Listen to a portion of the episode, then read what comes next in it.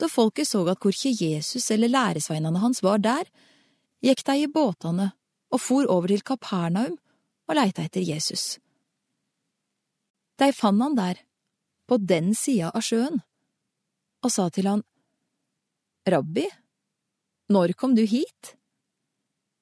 Jesus svara, Sannelig, sannelig, jeg sier dykk. De leitar ikke etter meg fordi de så teiken, men fordi de åt av brøda og vart mette. Arbeid ikke for den mat som forgår, men for den mat som varer og gjev evig liv, den som menneskesonen skal gje dykk. For på han har Far, Gud sjølv, satt sitt segl. Da sa dei til han, Hva gjerningar er det da Gud vil vi skal gjera? Jesus svara, Dette er den gjerninga Gud vil det skal gjøre.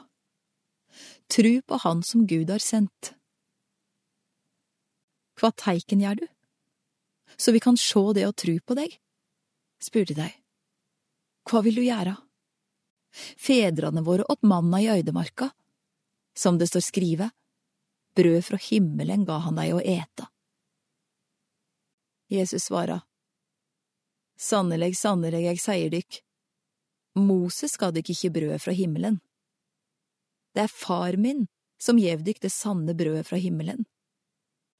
Guds brød er det brødet som kjem ned fra himmelen og gjev verda liv. Da sa de, Herre, gjev oss alltid det brødet. Jesus svara, Eg er livsens brød. Den som kjem til meg, skal ikke hungre, og den som tror på meg, skal aldri tørste.